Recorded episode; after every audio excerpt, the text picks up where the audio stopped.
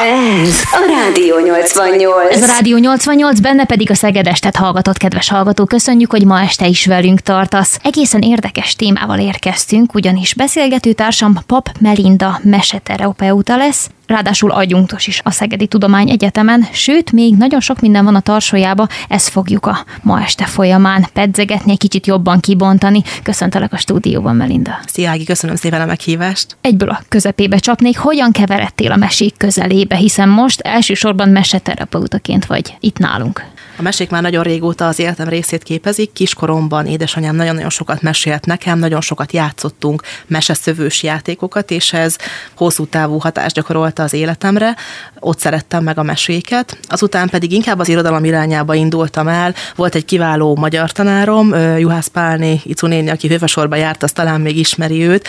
Ő nagyon jó szemléletbe tanította a magyar irodalmat nekünk, és így az irodalom és a mese kitartotta az életembe egészen fiatal koromban is, amikor már inkább eltávolodnak, és más kezd érdekelni a fiatalokat. Nekem ez az érdeklődésem megmaradt, és egyetemen kapcsolódtam rá igazán fókuszáltan a mesetémára újra, amikor szakdoga témát kellett választani, és az irodalomterápiával kezdtem el foglalkozni. Nagyon érdekelt az, hogy különböző irodalmi művek, versek, regények, novellák hogyan tudnak segíteni az egyes emberek életén, milyen élethelyzetekben tudnak támpontot nyújtani, hogyan lehet irodalmi műveken keresztül a saját életünket megismerni, és ott találkoztam ezzel, hogy nem csak irodalomterápia létezik, hanem van kifejezetten meseterápia is, és így indult el ez az egész az én életemben.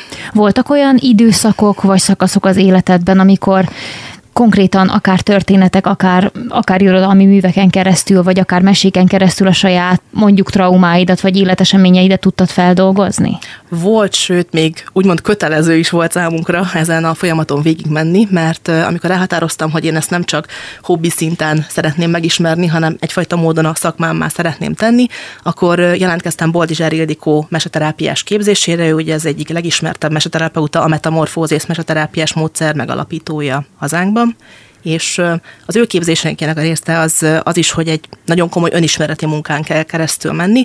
Ez azt jelenti, hogy a rengeteg elméleti anyag mellett részt kellett venni különböző meseterápiás műhelynapokon, meseterápiás csoportokon, ahol magunkkal foglalkoztunk. És ott tulajdonképpen az volt ugye az alapelv, hogy akkor tudunk hitelesek lenni a szakmában, hogyha mi magunk is megtapasztaljuk ezeket a hatásokat. És volt kifejezetten olyan meseterápiás műhely, ahol a saját élethelyzetünkhöz választottunk mesét. Ki kellett választani azt a mesét, ami leginkább az aktuális problémáinkat lefedi, ami leginkább választ tud erre adni, és így együtt közösen dolgoztunk ezen, vagy például egy másik alkalommal pedig női mesecsoport volt, és ott női mesékkel dolgoztunk, hogy a női életút során ki hol van mondjuk elakadva, kinek milyen problémája van, azt nagyon sokszor lehet látni beszélgetésekből is, akár hétköznapi mm, élethelyzetekben is, hogy sokszor a nők nem tudnak a női minőségükkel mit kezdeni, és nagyon sok olyan női mesehős van, aki ezeken át tud bennünket segíteni. Mi a különbség a női meseterápia és a sima meseterápia között? Igazából a meseterápia lényege az, hogy minden élethelyzetnek megvan a maga mesebeli párja, és ez gyakorlatilag egészen kiskortól időskorig megfigyelhető. Különböző életkorban különböző típusú meséket választ a terapeuta, lehet egyéniben és lehet csoportosan is dolgozni a mesékkel, és ennek az egyik változata például a női mesecsoportok, ahol ugye szintén még nagyon sokféle problémakör lehet, tehát ahány női életút van, annyiféle problémakör lehet, de azért vannak ilyen markáns fordulópontok mondjuk egy nő életében, mondjuk egy leány nővé válása, az mondjuk egy ilyen fordulópont tud lenni, ami köré már lehet konkrétan meseterápiás csoportot szervezni, konkrét mesét választani és azzal dolgozni. Tudsz mondani konkrét példát egy-egy élethelyzetre, hogyha mesével akarjuk szemléltetni? hogy melyik élethelyzetben hogyan lehet mesével dolgozni például? Mhm, akár, akár konkrét mesét is. Hát igazából izgalmas a három kis malac meséje, amit ugye alapvetően a kisgyerekekhez kötünk, mert ugye hát a malacok és a farkas, ez egy ilyen nagyon kedves gyermekkori történet, és ugye azt mutatja meg, hogy ugye az egyik kismalac az, hogy mondjam, leleményesebb vagy élelmesebb volt, hogy kőből készítette a házát, hiába több ideig tartott, és kő vagy tégla, attól függ, hogy ki melyik változatot ismeri a mesének, és akkor így ennyi, és akkor a többi kismalac megmenekült a kőházba, a farkas meg, hát ismerjük a mesét. No, és akkor a képzés során pedig egyszer fölmerült, hogy mi lenne, hogyha ezt pályaválasztás előtt álló fiataloknak kellene elmesélni. És hát ugye akkor így mindenkivel beragadt a szusz, hogy akkor hát nem is tudjuk, hogy hogyan lehetne ezt így megközelíteni, mert hát ez nem az a klasszikus mese, amit mondjuk egy 18 évesnek elmondasz, és Boldizsár Ildikó, aki ezt a képzést tartotta nekünk, elmondta, hogy a házakra nem csak házakként tekinthetünk, hanem belső házakként is. És ha már egy, egy fiatalt úgy közelítesz meg, hogy te tisztában vagy azzal, hogy ő megérti ezt a metaforikus szintet, ezt a szimbolikus szintet, akkor már teljesen máshonnan indulsz. És a malac már rég nem malac, a farkas már rég nem farkas, és a ház se ház már. És innentől kezdve a szalmaház, az például valakinek jelentheti azt, hogy mondjuk elustálkodta azt a négy évet, és most bajba van, hogy el fogja fújni a farkas a házát. A kőház vagy a téglaház pedig jelentheti azt, hogy mondjuk ő tényleg vérrel, verejtékkel megcsinálta a, a gimit, és most izgul, ott van az élet előtte, hogy mi lesz, de pici megerősítés számára, hogy igen, az a ház akkor is állni fog, hogyha kőkövön nem marad, de a ház stabil, mert ő berakta az időt, energiát, munkát, kitartást, és neki ez egy, egy ilyen támpont tud lenni. És ugye egy ilyen foglalkozáson teljesen más feladatokkal kíséri mondjuk a terapeuta a mesét, ugye ezt mindig úgy kell elképzelni, hogy nem csak úgy néz ki a helyzet, hogy elmondunk egy mesét egy közösségnek, hanem ennek van egy módszertani íve. És ehhez hozzátartoznak ráhangoló gyakorlatok, rá, rá hozzátartoznak olyan típusú feladatok, amik segítenek a mesét feldolgozni, hozzá kapcsolódnak érzékszervélesítő feladatok, ugye nagyon sokszor benne ragadunk a szövegbe, hogyha egy műről van szó. De ugye a meseterápiának az is nagyon fontos lényege, hogy mondjuk egy szöveget ne csak szöveg szintjén értelmezzünk, hanem lássunk benne színeket, szagokat, illatokat, hogy a, tulajdonképpen az elménkre is teljesen másképp hat, hogyha így állunk a történetekhez, és azáltal, hogyha valaki bevonódik ezek által a történetekbe, sokkal jobban tudja őket a saját boldogulására használni, és nyilván ezt is ahhoz kell idomítani mondjuk, hogy milyen korcsoportnak viszi az ember a mesét, nyilván ezt is másképp kell tálalni a kamaszoknál, másképp kell tálalni a gyermekeknél, de abszolút ez például egy olyan történet, ami mind a két korcsoporttal alkalmazható attól függően, hogy mire helyezed a hangsúlyt, és ott is meglepődtek. A diákok például ennél az esettanulmány tanulmánynál, amit itt ismertettek számunkra, de hatott és működött, és mire vége volt a foglalkozásnak, mindenki egy kicsit gazdagabban tért haza. Ahhoz, hogy valaki meseterapeuta lehessen, említetted, hogy például egy tanfolyamot elvégeztél, de milyen előzetes tudásanyag kellett mindehez, hogy egyáltalán neki tudja állni ennek a tanfolyamnak? Nekem nagyon sokat segített az, hogy előtte már három évig a bölcsészettudományi karon folytattam a tanulmányaimat, és az egyfajta szemléletet adott ahhoz, hogy ezt a képzést el tudjam végezni, de nagyon sok helyről érkeznek a meseterápiás képzésre a jelentkezők. Többféle változata is van ennek. Van az alkotófejlesztő meseterápia, amit leginkább úgy tudnék elmondani, hogy ez egyfajta lélekfrissítés a gyermekeknek, különböző fókuszpontokra szerveződő csoportok léteznek, gyermekeknek és felnőtteknek egyaránt. Ezt például pedagógusok is végezhetik. Nagyon sok óvónő például elvégzi a meseterápiát, hogy mondjuk az óvodai foglalkozásokba be tudja építeni, vagy vannak például Szegeden dolgozó kollégák is, akik ezt a fajta meseterápiát végezték. Ott van például Sólyom Andrea, ő a várandósoknak tart fejlesztő csoportokat, olyan mesecsoportokat, amik segítik ezt a fajta állapotot minél inkább megélni a meséken keresztül. Ilyen jellegű csoportok az alkotófejlesztő csoportok, és van a másik, a klinikai meseterápia, amit pszichológusok, pszichiáterek és orvosok végezhetnek. Itt például a mi évfolyamunkban volt olyan meseterapeuta, aki addiktológián alkalmazza a meséket szenvedélybetegeknél, akkor különböző klinikai osztályokon végeznek meseterápiás fejlesztéseket az adott betegség típusnak megfelelően.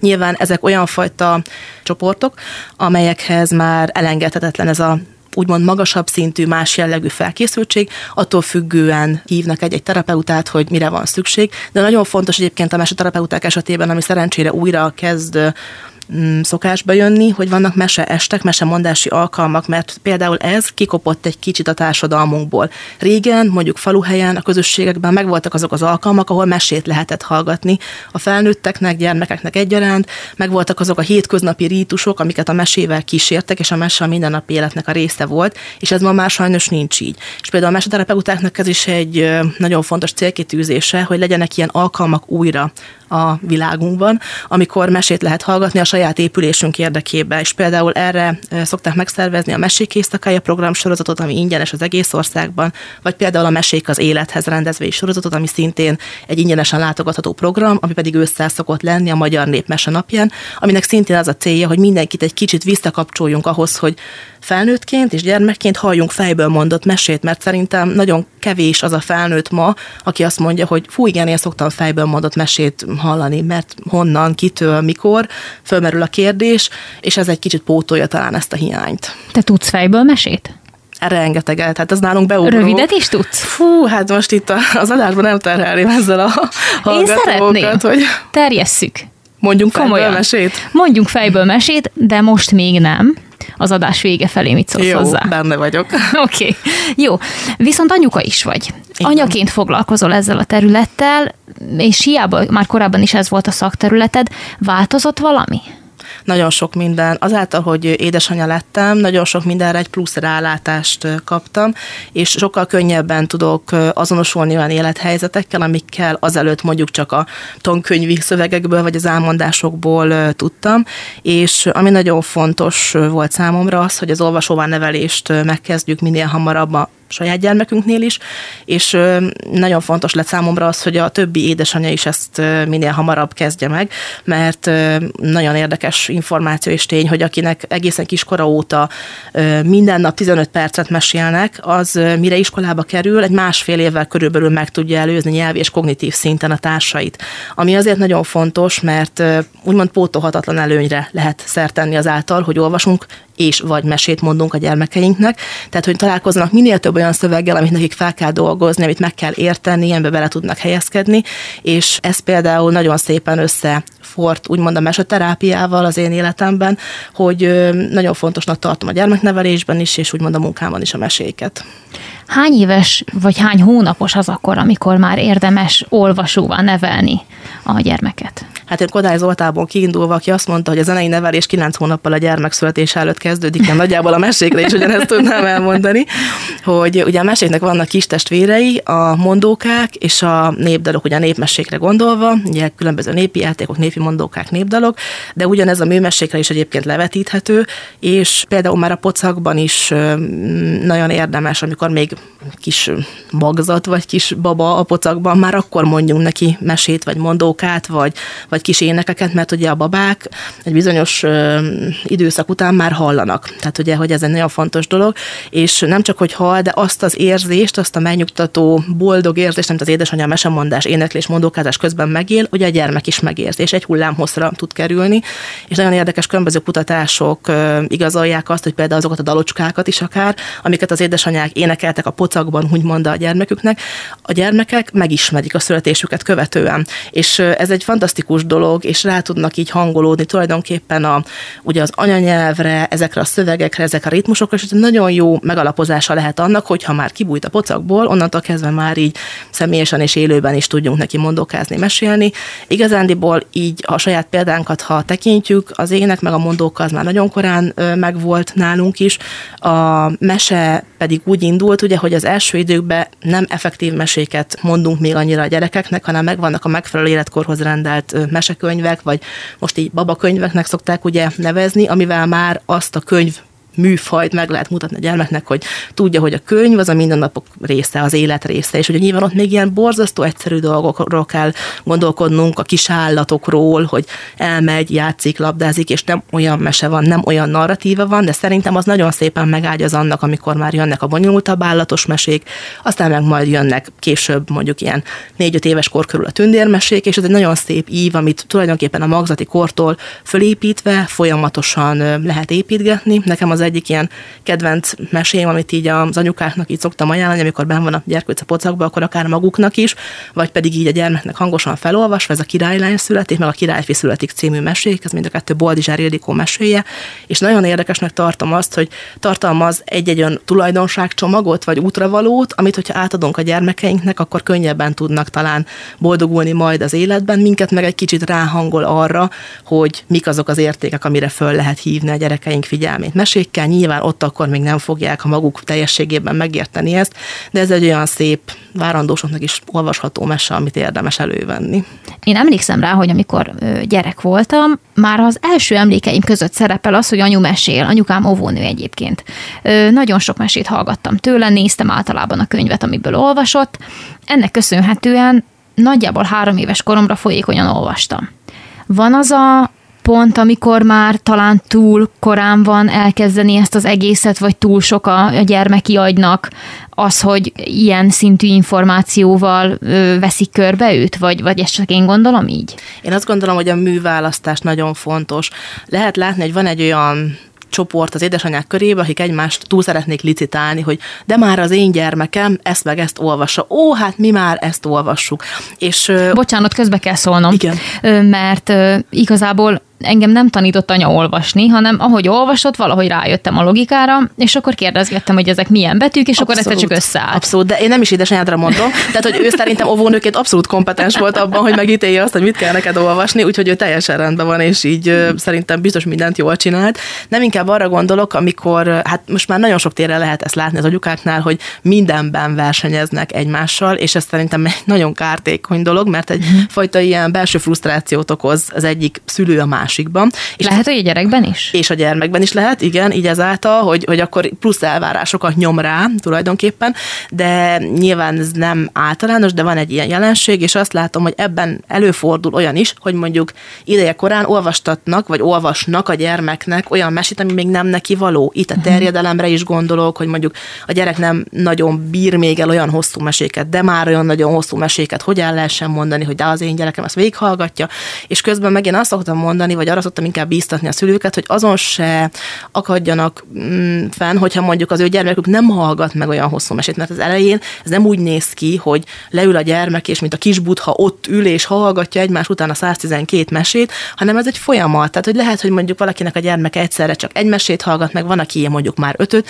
de ezek egyéni sajátosságok, és hogy ezt mindig a gyermekhez kell igazítani. Ráedzeni az ő kis elméjét, igaz? Pontosan, pontosan, és inkább én azt szoktam mondani, hogy hiteles forrásból tájékozódni tájékozódva választák meg a megfelelő meséket az édesanyák, például Kádár Anna Mária, mesepszichológus, ő szokott közzétenni ilyen jellegű ajánlásokat, hogy hány éves korú gyereknek milyen tematikájú mese, mert ugye az sem mindegy, ugye fontos látni azt, hogy a kicsiknél például még ebbe a bölcsis, kiscsoportos ovis korszakban bőven jó, hogyha olyan meséket olvasunk, amik az ő életüket leképezik, az ő problémájukról szólnak, állatköntösbe, emberköntösbe, ugye nyilván itt különböző pedagógiai módszerek vannak, ugye a, például a Montessori szerint nevelőszülők másképp gondolkodnak egy picit, mert ők nem szeretik a varázslatos elemeket a mesékbe, hogyha mondjuk van olyan család, ahol mondjuk belefér az, hogy mondjuk nem tudom, olyan mesefigura van, aki amúgy nem beszél, tehát mondjuk kutya van és nem kisfiú, akkor mondjuk ilyeneket is lehet olvasni, de hogy, hogy olyan jellegű problémákról szóljon a mese, annak a korosztálynak még, ami őket érinti, ami őket foglalkoztatja.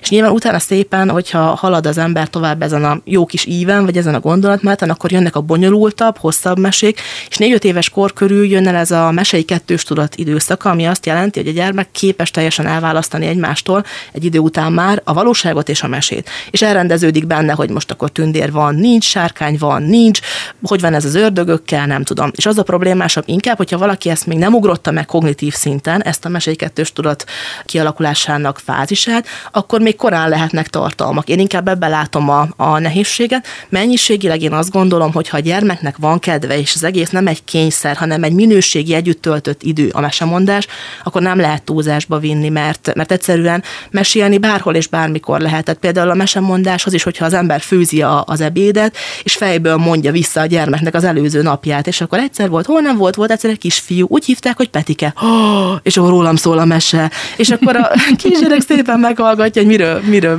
nem tudom, mit csinált előző nap Petike, anyuka meg megfőz. És akkor tök jó, mert akkor nyilván egy, egy minőségi idő van együtt, hogy nem az van, hogy anya rám se bagózik, hanem csinál kaját, és akkor például ez egy hidat tud képezni, és nyilván ilyenkor benne van az is, hogy a gyerek bele fog szólni, a gyerek bele fog kérdezni, és ez is sokan fölhúzzák magukat, hogy ne zoljál bele mesélek.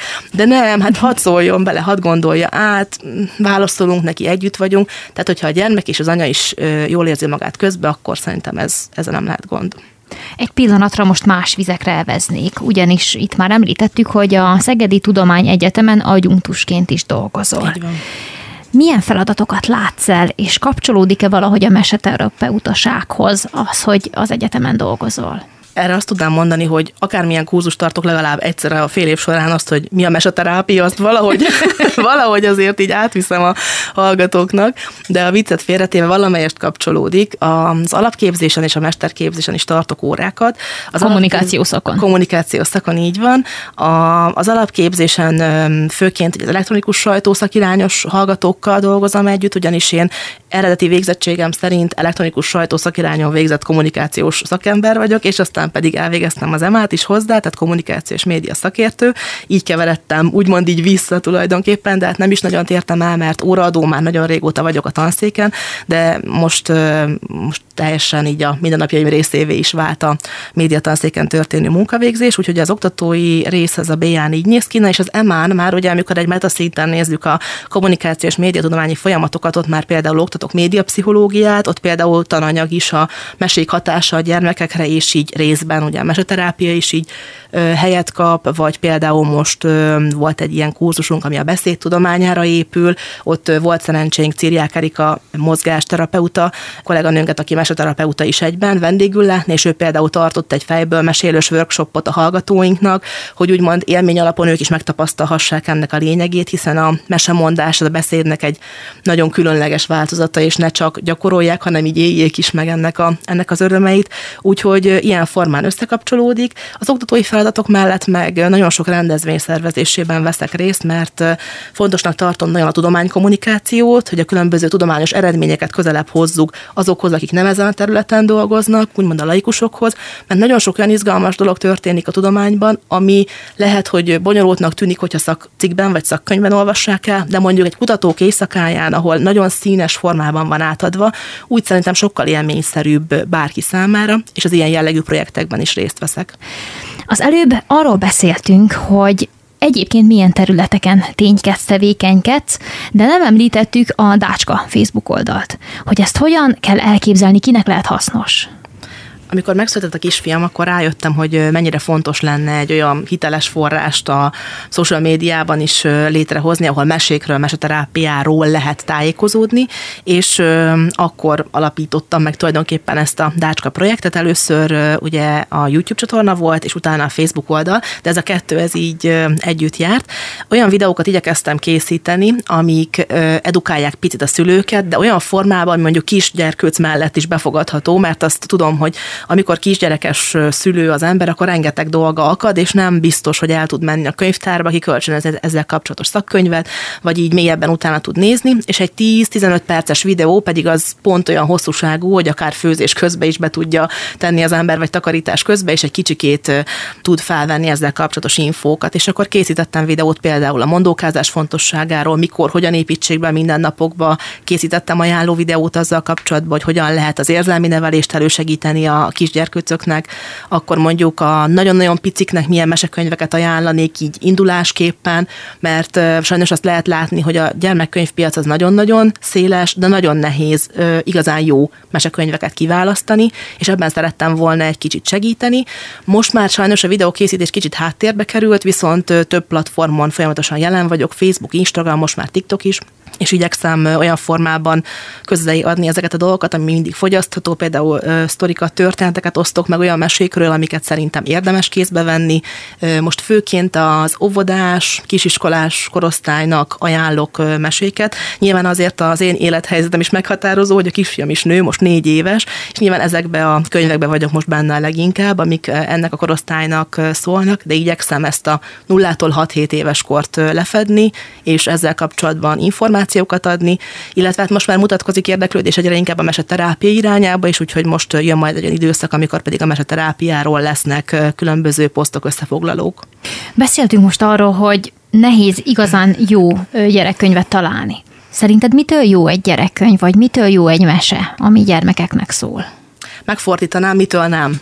Tehát uh-huh. nagyon izgalmas, mert sokszor van olyan, hogy például bemegy egy édesanyja a boltba, és látja, vagy, vagy akár ha rokonnak vesz, valaki gyerkőznek, rokon gyerkőznek vesz könyvet, látja, hogy színes, szép, vastag, sok mese van benne, jó lesz nem biztos. Tehát attól, hogy mondjuk jól néz ki egy mesekönyv, korán sem biztos, hogy a tartalma az megfelelő. Én nagyon sokszor botlok bele olyan mesegyűjteményekbe, amik nagyon szépen meg vannak szerkesztve, igényesek, de a beltartalmában valami nem stimmel, akár életkorilag is. Akkor van a másik eset, amikor mondjuk nem olyan szép az illusztráció, de a tartalom meg nagyon szuper. Ez is egy olyan faktor szokott lenni, amikor mondjuk lehet, hogy nem veszi le valaki azt a könyvet, pedig egyébként nagyon jó lenne. És így kanyarodnék vissza az eredeti kérdés, hogy szerintem az igazán jó gyerekkönyv olyan, aminek a tartalma is megfelelő, a besorolás szerinti, ugye sokszor a könyvek hátoldalán föl van tüntetve, hogy milyen életkorú gyerkőznek 3 plusz, 4 plusz, 5 plusz, stb jól be van sorolva, a tartalma olyan, hogy vagy érzelmileg, vagy információértékben ad a gyermekhez bármit is, mert nagyon sok olyan érzelmi neveléssel kapcsolatos könyv van már, ami szintén ilyen ipari jelleggel készül, tehát, hogy ez majd segít a gyermeknek, és ez majd jó lesz, és a fele az körülbelül használhatatlan. Tehát ugye a mesék sokszor úgy tudnak a leghatékonyabban működni, ha nincs a gyerek szájába rágva az, hogy mi a lényeg. És nagyon sok mese bele bukik ebbe, hogy nagyon-nagyon ilyen szájbarágós. És például szerintem az sem kifejezetten jó. Nyilván van az az életkor, amikor még azt tanítjuk a gyermekeinknek, amikor nagyon-nagyon picik, hogy mi a harag, mi az öröm, mi a bánat, ott meg kell tanítani. De már egy nagy gyereknek ezt nem kell elmagyarázni. Teljesen érti, hogy ha elmondjuk a mesét, és nincs a végén levonva a tanúság. Úgyhogy, úgyhogy ez nagyon fontos, és akkor a másik, ami még lényeges szerintem, hogy azért az illusztrációs világa is illeszkedjen a könyvhöz. Nincsenek ilyen irányelvek, hogy csak az ilyen jellegű illusztráció a jó, vagy csak az olyan, de szerintem nagyon fontos, hogy harmónia legyen a szöveg, meg a, az illusztrációk közt, és akkor válik tulajdonképpen egy mesekönyv szerintem igazán jóvá. Kanyarodjunk most vissza magára a módszerre, hogy milyen módszerekkel dolgozik a meseterápia. Nem tudom, hogy ez mennyire tág téma, és beleférünk-e a mi kis nagyjából két órás idő intervallumunkba. Megpróbáljuk? Megpróbálhatjuk, persze. Jó. No, tehát milyen módszerekről beszélhetünk, ami a meseterápiához kapcsolódik? Az egyik legizgalmasabb módszer az a mintázat módszer, amivel a meseterápia dolgozik. A mintázat módszernek az a lényege, hogy megnézzünk egy élethelyzetet, amit már említettünk is, hogy élethelyzethez rendelten működik a meseterápia, és megnézzük, hogy mik azok a legfontosabb ismérvei annak az élethelyzetnek, amihez keressük a mesét. És ezeket keressük meg tulajdonképpen a megfelelő mesékben. Ugye a mesterápiáról tudni kell, hogy nagy rész népmesékkel dolgozik, de vannak olyan csoportok, egyénterápiák, ahol már ugye a műmesék is helyet kaphatnak. Én például vittem már műmesét ovisoknak. Boldizsár Ildikónak a Repülőhal című meséjét, az például csodaszépen föl lehetett dolgozni ovis korosztályjal, illetve van olyan mese, amikor nem mm, effektíve népmese, de mégis népmesei eredetű. Gondolok itt arra, amikor a ö, csoportnak kell befejezni a mesét. Tehát van mondjuk egy eredeti ö, eleje a mesének, és akkor ki kell fejteni, hogy ki hogyan fejezné be a mesét. Ez is egy opció, amikor egy meghatározott szerkezet szerint elindulunk, de a hány gyerek annyi befejezés. És ez is nagyon izgalmas, hogy mondjuk ki hogyan büntetné meg a rókát, vagy nem büntetné meg, vagy megbocsátana neki, vagy tehát, hogy nagyon izgalmas dolgokra tud vezetni. Ezek lehetnek a különböző opciók. És a mintázat módszer az pedig azt segíti, segíti elő, hogy a megfelelő élethelyzethez a megfelelő mesét megtaláljuk. Gondolok itt egy konkrét példára. Három éven keresztül vezettünk a neurorehabilitációs osztályon itt Szegeden egy olyan csoportot, ahol sztrókon átesett betegek hozzátartozóinak választottunk meséket, és azzal dolgoztuk föl az ő traumáikat, mert nagyon fontosnak tartjuk azt, hogy például a, a ne csak a sztrók stroke átesetteken segítsünk, hanem a családon is, mert nekik is nagyon-nagyon nehéz a helyzetük, és rengeteg olyan újfajta megpróbáltatásba kerülnek, amikkel nincs eszközkészletük megküzdeni, és például a mesék ebben is tudnak egy kis segítséget vagy támaszt nyújtani, és itt például először meg kellett nézni, hogy milyen problémái vannak ezeknek az embereknek. És ugye sokszor előjött az, hogy mondjuk mivel ápolni kell, otthon kell maradni, mondjuk ez a bezártság egy ilyen motivum tud lenni. És akkor kerestem ahhoz mesét, hogy hol van a mesehős bezárva, egy fába, egy barlangba, a tenger mélyén, hogy tud onnan kijönni, mi lehet az útja ebben. És ez nagyon fontos, hogy ezeken a csoportokon nem tanácsadás történik, hanem a mese az ember egyéni életére történő feldolgozása. És ilyenkor ugye nyilván, hogyha elhangzik egy mese, utána meg lehet beszélni, hogy az ember hol, hol, hol látja magát a mesében, ő ott mit csinál, hogy érzi magát, miért nem tud onnan mondjuk kitörni vagy kijönni. És sokkal másabb így beszélni egy konfliktusról vagy egy problémáról, mint hogyha primére rákérdez az ember a másik mm, embernél, hogy most mi a baj, hogy tudnád megoldani, tehát egy, egy metaszintről, egy metaforikus szintről közelítjük meg a dolgokat, és ez sokszor sokkal többet tud segíteni, mint hogyha direkt rákérdezünk dolgokra, és például ezek a mintázatok megtalálása, azonosítása, ez már terápiás értékkel tud bírni mintázatmódszer, és most a világképmódszer. Azt hiszem, ez következik, hogyha a meseterápiában turkálunk, vagy vájkálunk egy kicsit. Igen, a világkép módszer is nagyon fontos így a terápia szempontjából. Ez arra a gondolatra visz vissza, hogy a mesék egy olyan világnak a nyomát őrzik, ami egy egységes és egylényegű világ volt, aminél az a lényeg, hogy az ember tulajdonképpen így harmóniában, rendben volt az élettel, a környezetével, a természettel, és volt egy rendszer az életben. És azt lehet észrevenni, hogy mostanában ez a rend borul föl, ez a rendszer borul föl az emberek életében, és kiesnek a természethez való kapcsolatban, kapcsolódásból, a világhoz való kapcsolódásból, és egy kicsit ilyen szétesetté válik tulajdonképpen úgy az emberi élet, vagy egyes élethelyzetek, és a mesék ehhez a rendhez, ehhez a belső rendhez szeretnék visszavinni az embereket, mert a mesében mindig rend van. Ugye a meseterapeuták nagyon sokféle módon készülnek fel egy-egy csoportra, ennek része az például, hogy megnézik a mesék objektív igazságát, és megnézik a szubjektívet, amire akkor tudnak igazán választ kapni, hogyha oda kerül eléjük a páciens, hogy az ő életéhez hogyan kapcsolódik, de egyfajta módon kell egy fölkészülés ahhoz, hogy az ember megértse azt a mesét, amivel amivel dolgozik, ez nem úgy néz ki, hogy fölcsapom a könyvet, ezt holnap elviszem ezt a mesét, felolvasom és kész, hanem mindig át kell gondolni a meseterapeutának, hogy ki a hős, ki az ellenfele, mi a konfliktus tulajdonképpen, mi segít neki megoldani. Most például a legújabb kötete Boldizsár Ildikónak több száz oldalon keresztül arról értekezik, hogy milyen mesebeli segítők vannak, és hogy milyen élethelyzethez milyen segítőt lehet rendelni. Mert különböző segítők különböző élethelyzeteket oldanak meg a mesében, és nyilván a saját életünkben sem mindig egyfajta segítségre van szükség, szükségünk, hanem mondjuk van, amikor egy tanácsadó kell, van, amikor egy, egy olyan ember kell, aki csak útba igazít, tehát nagyon sokféleképpen kaphatunk segítséget, és ezeket mindig át kell gondolni. És a meséknek ezt a világát a világkép módszer értelmében ugye be lehet rendezni egy nagyobb kontextusba, és ezt beszéltük már, hogy ugye ehhez lehet rendelni mondókát, népmesét, népi játékot, és ezekkel alátámasztva át lehet adni a ma emberének is ezt az egységes és egylényegű világképet, és egy kicsit segíteni, hogy visszaálljon a rendszer a, az életben, vagy az adott problémával kapcsolatosan. A zene alatt beszéltünk arról, hogy amikor azt mondja valaki egy népmese, legalábbis itt Magyarországon, akkor nekünk mi más ugrana be, mint a magyar népmese. Így van. Viszont a meseterapeuták nem csak magyar népmesével dolgoznak, hanem számtalan más népnek a történetét, mítoszait, akár legendáit meseként is előveszi, hogyha jól gondolom. Abszolút Igaz ez? így van, abszolút így van. Ugye az egész világ mesekincséből dolgozik a meseterápia, attól függően, hogy mire keresünk választ. Nagyon izgalmas például az, hogy a keleti meséket másképp lehet egy kicsit használni a terápiában, mint a nyugati meséket. Ugye például a magyar népmesékből mi hívódik elő nagyon sokszor?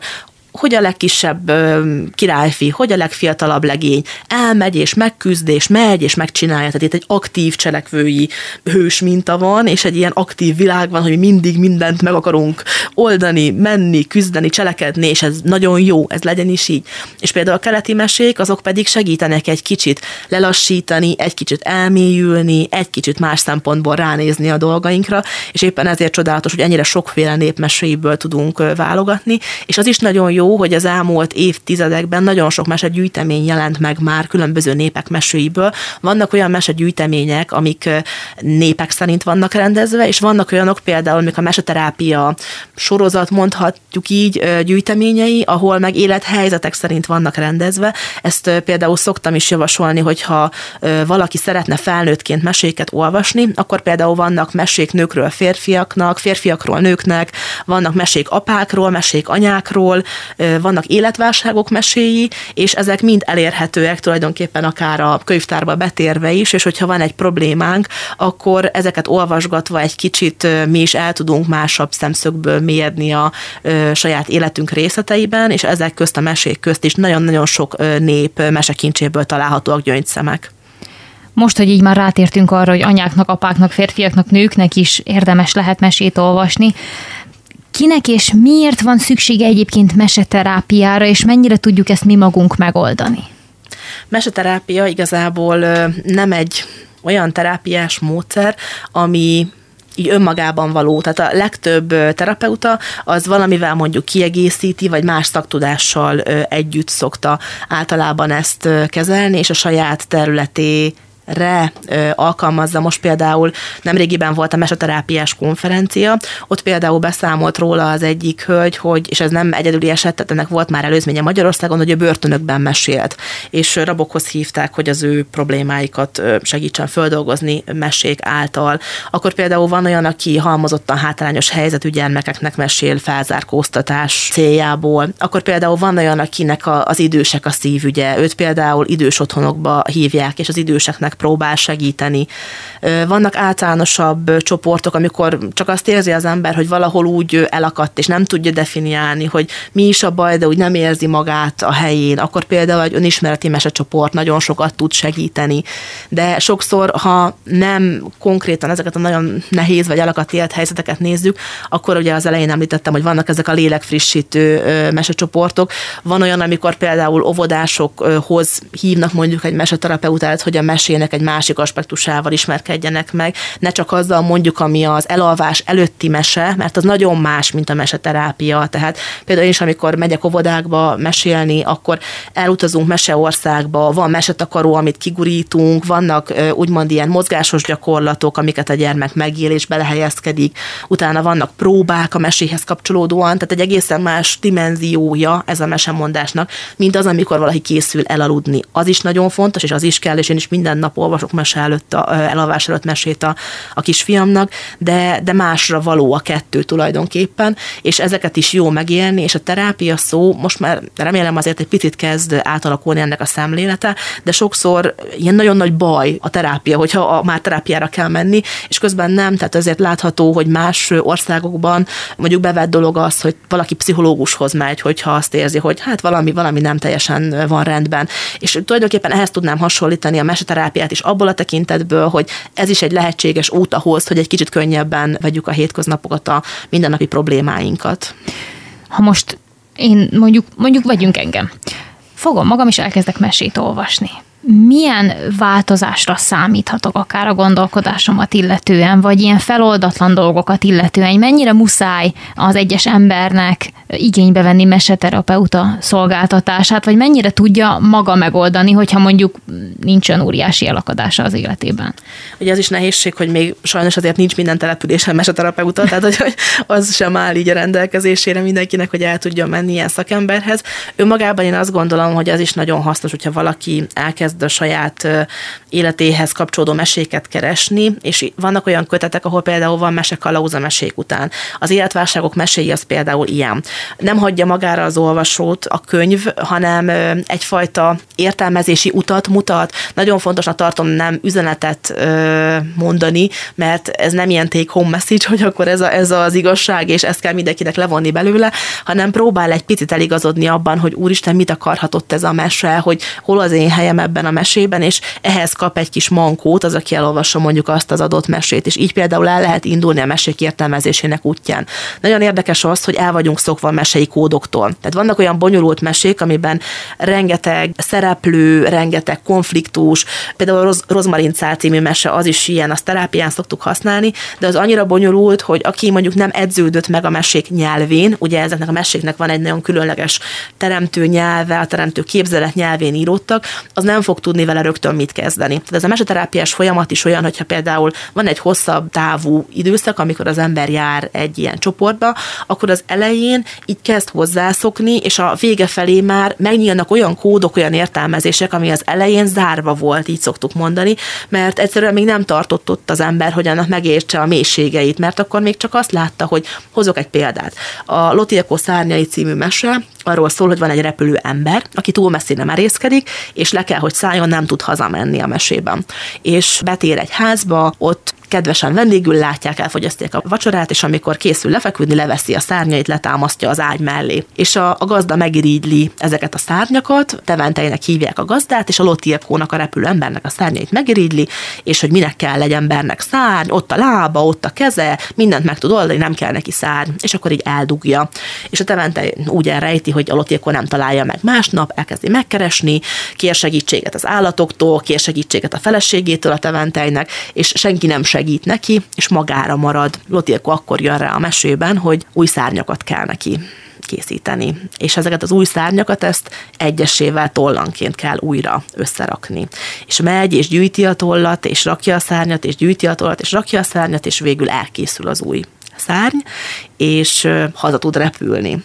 És ott marad a tevente, és hát nagyon bosszankodik nyilván, és megpróbálják a feleségével kipróbálni ezt a szárnyat, amit ők elloptak, és hát a szárny nekik nem működik. És ez egy olyan történet, ami szerintem nagyon-nagyon sok üzenettel bír, és mindenki nagyon másképp tud hozzá kapcsolódni és általában ez a teventej alakja, ami, ami érdekes, és visszakérdezek, hogy neked mi volt az első benyomásod róla? Hát, hogy más hátán akar fölmászni. Uh-huh ez volt az érzésem, hogy ő nem akar megdolgozni az érdemeiért, hanem inkább lenyúlja azt másoktól, akik már beletették az energiát. Aha, igen, igen, abszolút, abszolút. Ez egy nagyon jó ö, olvasat, és, és így is van. És ö, nagyon izgalmas szokott az lenni, amikor ugye a mesékkel először úgy kezdünk el dolgozni, ez ilyen kis kulisszatitok úgymond, hogy külső szereplők, tehát a teventej, a lotilko, lotilko.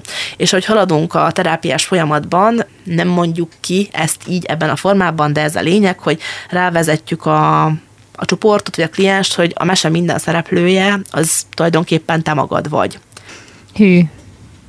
Igen, és ilyenkor jönnek a, az aha élmények, hogy ki bennünk a teventej, ki az, aki eldugja a szárnyunkat, hova dugja, miért dugja el, és hogyha nincsen a szárny, akkor miből lehetne újat csinálni és akkor innentől kezdve ez már messze nem a szárnyról és a teventejről szól, hanem az ember saját belső erőforrásairól. Az a kérdés merült fel bennem, hogy miért van az, hogy felnőtt létünkre olyan történetekhez tudunk borzasztóan vonzódni, ami mostanában mondjuk népszerű, mint például a Harry Potter, vagy a Gyűrűk ura, vagy a mm, különböző Marvel történetek, hogy ezeket a felnőtt az meseként értelmezi, és itt is azonosul bizonyos karakterekkel?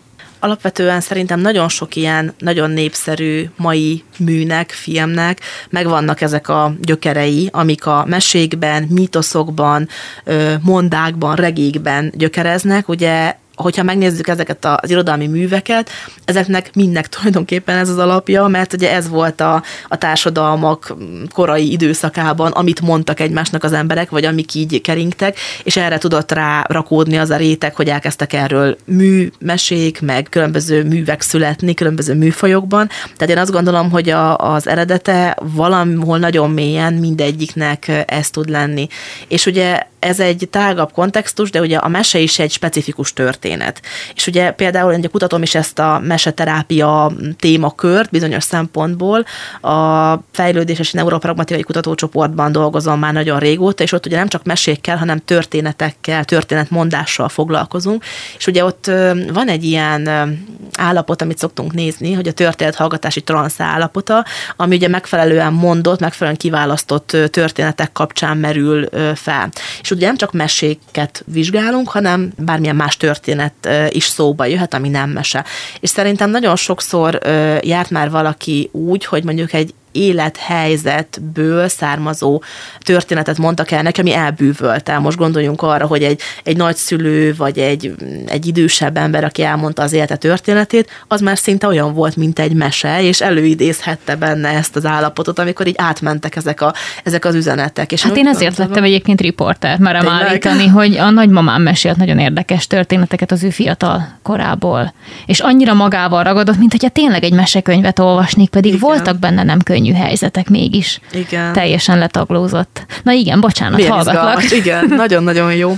És ugye hát az idegrendszeri szintre vezethető vissza, most ebben nagyon nem mennék bele, de az a lényeg, hogy az emberi elme az a történeteknek a befogadására lett ugye fölállítva, vagy tulajdonképpen ez, ez az egyik sajátossága, ez a homonarance, vagy ez a, amit így az emberek kapcsán tudunk mondani, hogy nyitottak vagyunk egyszerűen a történetekre, hogy hogy És ezt a marketing történt. is, hogy kihasználja ugye, a storytellinggel. Igen, igen, igen, igen. Szoktam is mosolyogni PRS államvizsgákon, amikor jönnek így, hogy feltaláltuk a spanyol viasz a storytellinggel, és nyilván aki ebben nagyon benne van, az tudja, hogy ez mire vezethető vissza, de a hallgatók nagyon aranyosak szoktak ilyenkor lenni, amikor így rádöbbennek a, a csodára. És igen, és hogy ez a történet, szerveződés, a történetek üzenete összekapcsolva ezekkel a mesei elemekkel, szerintem ezért nagyon-nagyon népszerűek ezek a, ezek a fajta tartalmak, amiket te is említettél, mert egy picit azért visszahozzák a gyerekkorunkat, a varázsvilág, a mesék világát, de közben azért szerintem arra is ugye nagyon építenek, hogy, hogy azért mégse vagyunk már gyerekek, tehát azért sok ember kikéri magának, hogy hát azért a mese az olyan gyerekeknek való, miközben a mese is 19. századig felnőtt tartalom volt. És ez, ez nagyon izgalmas, az nem szokott sok helyen előkerülni, de fontos tudni, hogy utána kúszott át a gyerekek műfajába. Tehát régen nem felnőtt mesélt felnőttnek. És ugye ma meg már így legtöbb embert, ha megkérdezzük, akkor egy olyan gyermeki dologra asszociál, amit mondjuk szerethet felnőttként, mert nagyon sokszor látom ezt, hogy ha meséről van szó, akkor a felnőtt szeme legalább annyira, vagy még jobban fölcsillan, mint a gyereké, hogy de jó mese, de hogy igen, tehát hogy, hogy ez nagyon fontos szerintem, hogy, hogy ezek a történetek, ezek erre appellálnak, de közben megérzik azt, hogy ők azért már felnőttesebb tartalmak, most akár a, a gyűrűk ura világa, és nyilván már az egy jócskán nagyoknak szóló. Az tehát bonyolult, azt, igen, igen. igen. Azt abszolút nem is mutatnám meg egy bizonyos életkor alatt a gyerkőcöknek. Igen, tehát, hogy valahogy ezt a, ezt a mesdjét tudják nagyon jól megtalálni ezek a, ezek a filmek, és hát nyilván mindegyiknek van egy olyan narratívája, amiben azért bizonyos mértékű üzenetek vannak, hogy a Harry Potter és ugye a jó ügyért küzd tulajdonképpen, ugye a Voldemorttal szembe, azzal is tudunk azonosulni, tehát hogy visszacsatolunk egy picit oda, hogy az irodalomterápia, tehát hogy az irodalmi művek hatása is mennyire meg tud lenni, annak ellenére, hogy ugye ezeknek nincsenek effektíve kimondva népi gyökerei, de azért úgy föl-fölbukkannak benne ezek, a, ezek az elemek, vagy ezek a szereplők, vagy például, hogyha megnézzük azt, hogy, hogy a struktúrája, tehát itt is a hős, az ellenfél, a segítő, a mesei helyszínek, tehát hogy nagyon-nagyon sok mindenben szinkronizáltathatóak ezek, úgyhogy, úgyhogy azt gondolom, hogy ebből a sok összetevőből áll össze az, hogy ezekkel is nagyon tudunk azonosulni, és ha valaki úgy olvassa, akkor ezek is nyilván mm, tudnak bizonyos mértékben segíteni.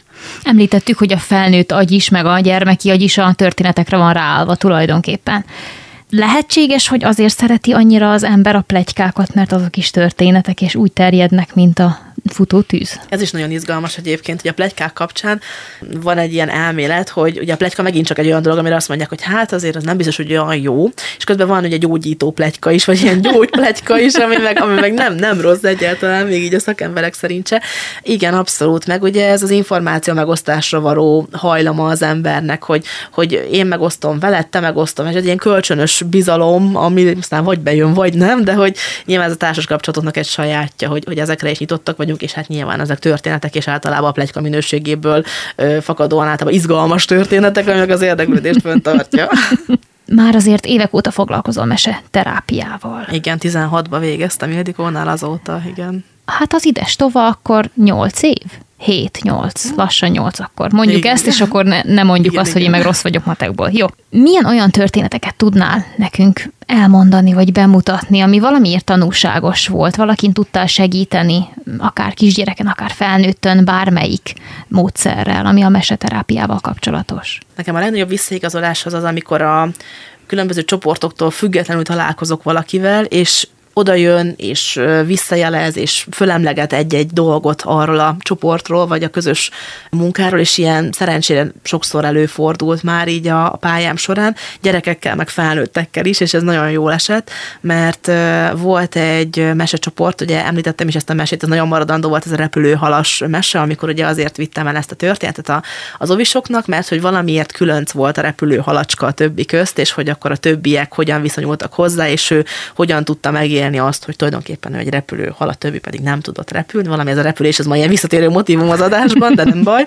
És, és nagyon szerettem azt a csoportot, és látszott tényleg, hogy nagyon mentek ezzel a motivummal a, a gyerkőcök, és évekkel később, ez pont az egyik óvodapedagógus ismerősöm csoportja volt, és évekkel később visszamentem hozzá így látogatni, és ugyanannak az intézménynek van az iskola része. És ez a kislány akkorra már iskolás volt, alsó tagozatos volt, és játszottak lenne bent az udvaron a napköziben, és akkor oda szaladt hozzánk a kislány, miközben beszélgettünk ezzel az pedagógus hölgyel, és akkor megkérdezte tőle a Kata néni, hogy na és Panka emlékszel rá, hogy milyen mesét mondott neked a néni annak idején? És rám nézett, és mondja, hogy igen, a repülő halacskásat tudom. No, úristen, mondom, hány év eltelt, hány mesét hallhatott ez a kislány Hány év telhetett el? Kettő-három körülbelül. Tehát azért hát egy pici gyereknél az is sok. Nagyon sok. sok. Hát én sem tudom, hogy múlt héten mi történt, vagy nem tudom, tehát hogy az embernek annyi impulzusa van, hogy, hogy így kicsit fölülírodnak a dolgok, és így teljesen meg voltam lepődve, és mondom, és emlékszel, hogy emlékszel, tetszett a mese, és beszélgettünk egy picit erről, és, és olyan jó élmény volt, hogy megmaradt neki a történet, és tovább élt, és munkált, és az nagyon sokszor ö, megtapasztaljuk, hogy ugye a mese messze messze nem ott fejeződik be, ahol a mese, hanem utána a beszélgetés folyamán is még alakul a meséről való gondolkodás a gyermeknek és a felnőttnek, és azt követően még hetekig, adott esetben hónapokig dolgozik egy emberbe egy mese, sőt, tehát van olyan, akinek évekig, tehát nekem is vannak még olyan mesék, amikkel mondjuk ilyen önismereti munka során dolgoztunk, és tudom, hogy ha most nekiülnék újra ugyanannak a mesének, most is lenne vele még dolgom, de adott esetben egy közepesen hosszú időszak is nagyon nagy változást tud elérni az ember ember életében, az azzal való azonosulás, vagy ellenazonosulás, tehát hogy nagyon-nagyon izgalmas ez a folyamat, hogy az emberi elme hogyan dolgozza fel ezeket a történeteket, és, és például ez ilyen volt, vagy egy másik eset, amikor már a saját kisfiamat vittem ki a játszótérre, és egy másik anyuka, aki akkor még ugye nem volt anyuka, amikor találkoztunk, ő is hozta ki a saját gyerkőcét, ő vele pedig pont ezen az említett sztrókos csoporton találkoztunk, oda járt hozzám nagyon hosszú ideig, és olyan szép volt látni azt, hogy, hogy ő is oda jött és köszönt, és emlékszik emlékszik és tudja, és azóta is emlegetik, hogy milyen jó lenne, ha ennek lenne folytatása, mert hogy olyan sokat adott, hogy az a csoportélmény, arról talán még nem volt szó a mai adásban, és szerintem az is nagyon fontos, hogy a meseterápiás csoportoknak nem csak a terapeuta, nem csak a mese adja az eszenciáját, hanem hogy ott vannak az emberek egymásnak, és egymással is interaktálnak, és mindenki behozza a saját nézőpontját, a saját kérdését, és sokszor az is egy hozzáadott érték, hogy a másik résztvevő mit mond, és azt is magával tudja vinni az ember, és hogy, hogy ez nagyon-nagyon jó visszajelzés jelzés volt, hogy, hogy abból a csoportból is, ott is szerintem, ott már lehet, hogy lassan egy négy év telt el, hát most lassan négy éves a kisfiam, és azelőtt zártuk a csoportot, és, és mindmáig annak is megmaradt a nyoma és az emléke annak a csoportnak a tagjaiban. Létezik olyan ember a világon, akinek valamiért nem ajánlanád a meseterápiát? Hú, ez egy jó kérdés igazából.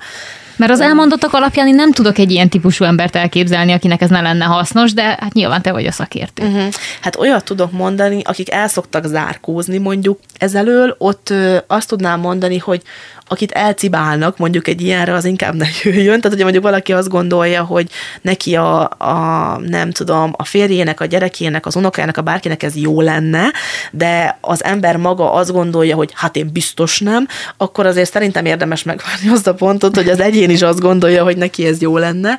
Viszont van egyébként erre egy minimális ellenpéldám is, ugyanis ezt az egyik kollega mesélte, hogy elhívták menedzsereknek, üzletembereknek mesélni, mert arra gondolták, hogy nagyon hasznos lenne. Meg volt mondva a, fő fókusza, hogy, hogy mire kérnek terápiát a, a menedzser közösségnek. Na és akkor bement a kolléganő, és ott ült 50 öltönyös üzletember, akik ugye hát a nagyon racionális, nagyon számok, nagyon nem is tudom, tehát az a nagyon balagyfélteke, és akkor, és akkor azt kellett így valahogy helyzetbe hozni, hogy akkor ne az legyen, hogy most ott több órán keresztül néznek egymásra, és két külön világban vannak, és hát nem voltam jelen, nem tudom, de így az elmondások alapján sikerült megtörni a jeget, úgyhogy mhm. ott is nem azt mondom, hogy mindenki. Meseterápia rajongóként tért haza, de hogy, hogy megtörték ott is ezt a befagyott jeget, én úgy tudnám mondani, és sikerült azért valamicskét becsempészni a mesékből, még ennek az első körben kisé elutasító és digit környezetnek is, mind a mellett nyilván nem akarok sztereotipizálni, nyilván van olyan üzletember, aki meg látja ennek a helyét és minden, de ott pont egy olyan közösség volt, akik ezt így úgy érezték, hogy most ez miért, miért jöttünk ide, menjünk haza, de aztán hál' Istennek ott is többen tértek úgy haza, hogy igen, azért sokat kaptak.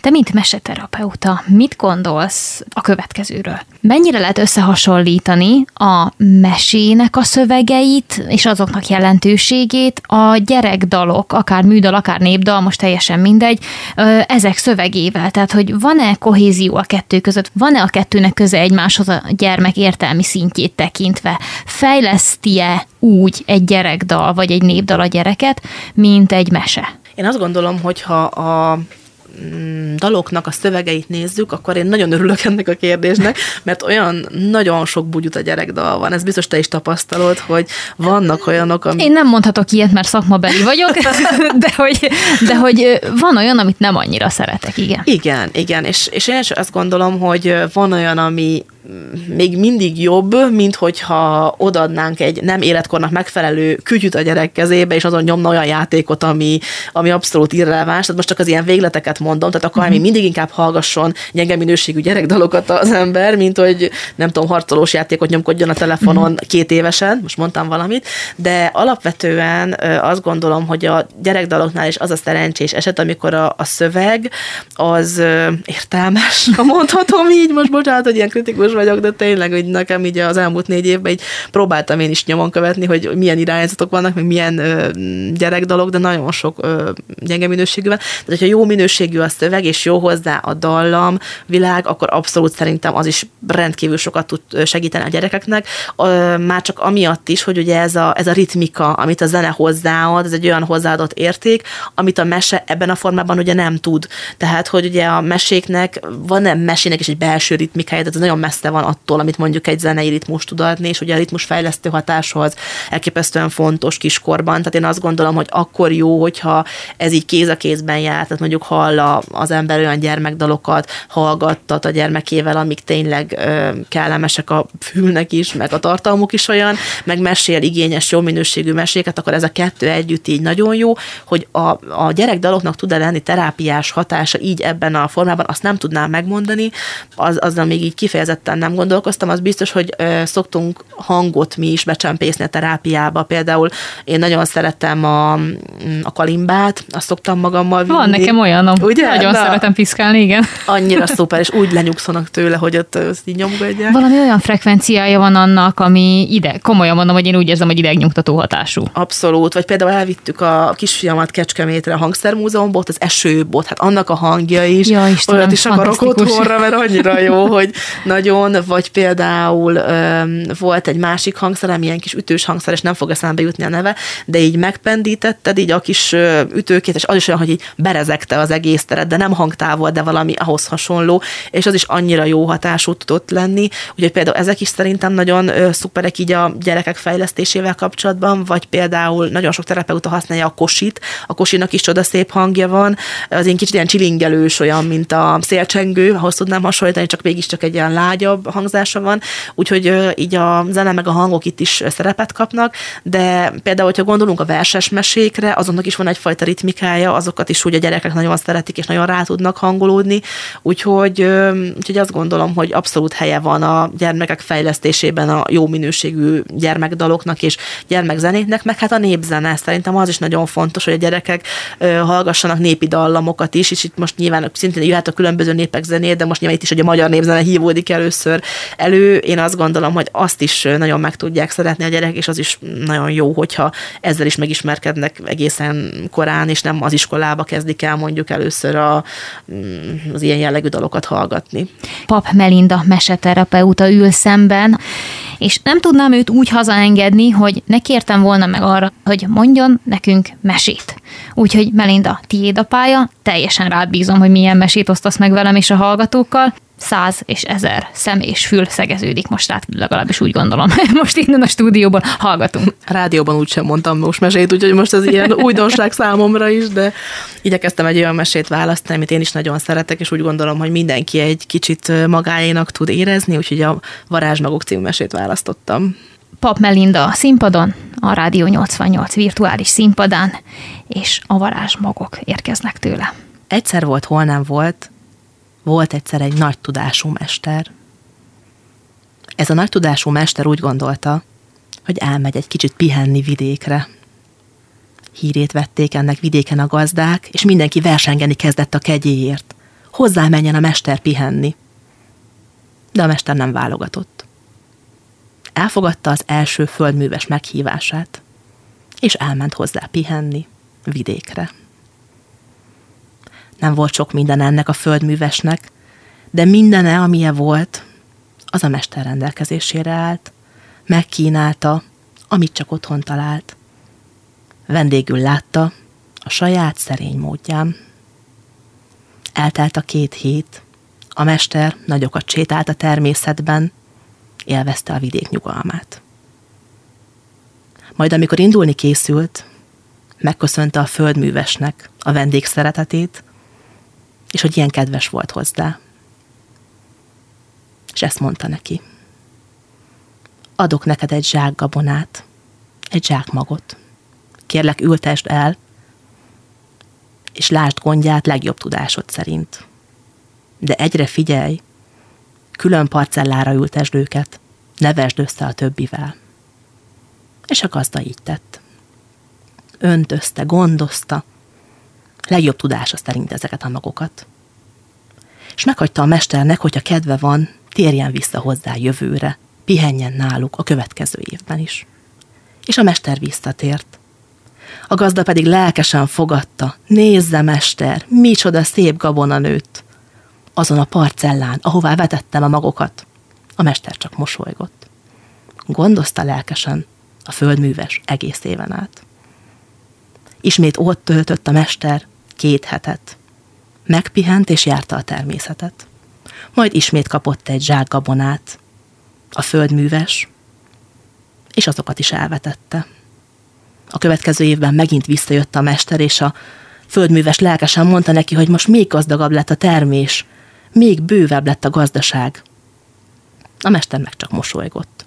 Hát lassan híre ment, hogy ennek a földművesnek micsoda termés van a földjén, és mindenki kíváncsi volt, hogy mi lehet a titka. Tehát a földműves nem mondott semmit, kaptam ezeket a magokat, elültettem, gondoztam. És a tizedik évben, amikor visszajött a mester ismét pihenni, akkor már a földműves sem tudta magában tartani a kérdést.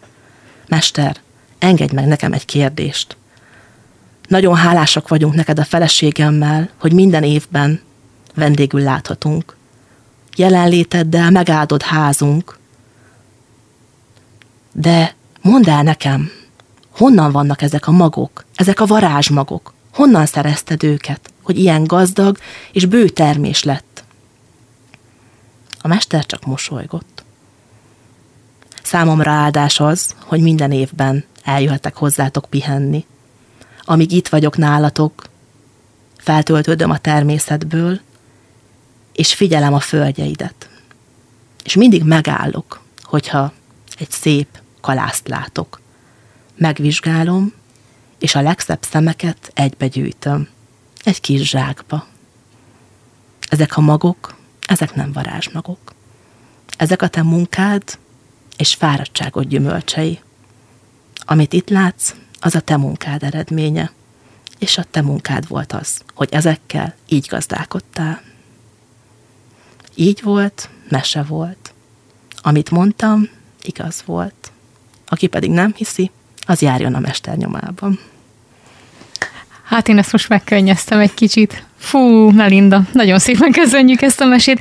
Ha valami, ez aztán igazán tanulságos. Örülök, hogyha tetszett. Nagyon tetszett, nagyon tetszett. Én ezt nagyon mélyen elraktározom magamban, úgyhogy külön köszönet, hogy pont ezt a mesét választottad, és az az érzésem, hogy nem is feltétlenül véletlen volt, hogy erre esett a választásod, mert itt csak a hallgatóknak mondom, hogy itt a műsor előtt pont arról beszéltünk a Melindával, hogy hát olyan nehezemre esik elmenni szabadságra, vagy pihenni, és valahogy hogy, hogy nem ez a mese engem megtalált sorszerűen, úgyhogy hát vannak ilyenek.